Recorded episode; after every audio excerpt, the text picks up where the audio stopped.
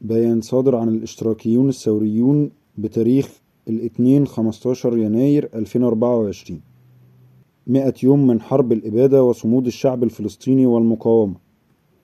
في اليوم المئة من حرب الإبادة الجماعية بحق الفلسطينيين في قطاع غزة يواصل جيش الاحتلال إجرامه الذي أدى حتى الآن لارتقاء من ما يقرب من 24 ألف شهيد وإصابة أكثر من 60 ألف جريح واحد وتسعة من عشرة مليون فلسطيني داخليا في قطاع غزة واستهدف 150 مؤسسة صحية.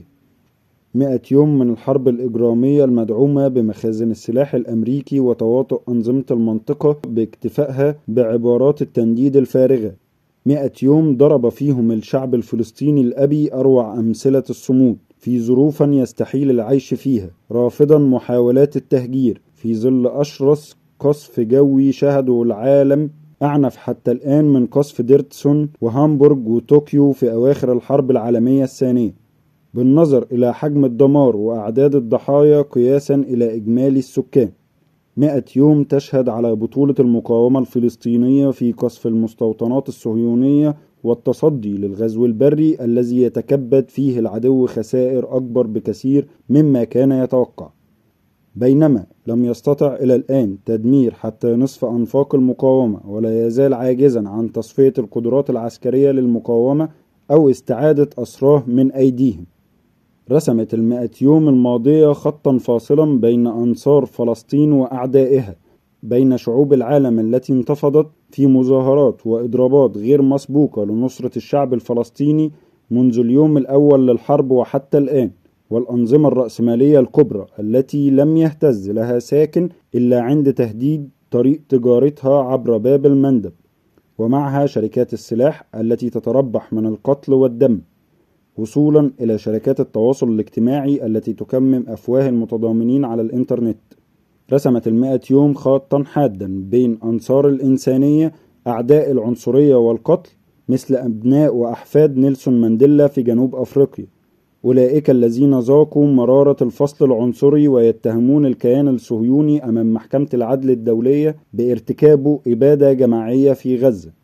وأولئك الذين ينضمون إلى جانب الصهيونية دفاعا عن جرائمها.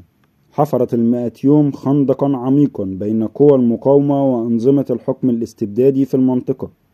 هرعت المقاومة اللبنانية للاشتباك مع العدو وقصف المستوطنات والمدن المحتلة في الشمال. وسارعت المقاومة اليمنية لضرب سفن العدو الإسرائيلي ومنع سفن الشحن من التوجه إلى الأراضي المحتلة عبر مضيق باب المندب. نحن نؤيد هذه المقاومة وعلى رأسها المقاومة الفلسطينية الباسلة دون شرط أو قيد. هذه الأنظمة وعلى رأسها النظام المصري الذي ينصاع لأوامر الكيان الصهيوني في إدخال المساعدات الإغاثية وتفتيشها بإذلال قبل دخولها قطاع غزة. علاوة على حصار القطاع على مدار سنوات طويلة متواطئا مع الإجرام الإسرائيلي وستلاحقهم دماء الفلسطينيين طالما ظلوا على عروشهم. لقد علمتنا الأيام المئة الماضية كما علمنا كفاح الشعب الفلسطيني على مدار أكثر من سبعة عقود أن الكيان الصهيوني لا يمكنه الاستمرار دون دعم الولايات المتحدة وبريطانيا وفرنسا وغيرهم من دول القتل والدمار. ولا يمكنه مواصلة جرائمه دون تواطؤ الأنظمة الحاكمة في دول المنطقة التي يمر طريق تحرير فلسطين عبر إسقاطها. الاشتراكيون الثوريون 15 يناير 2024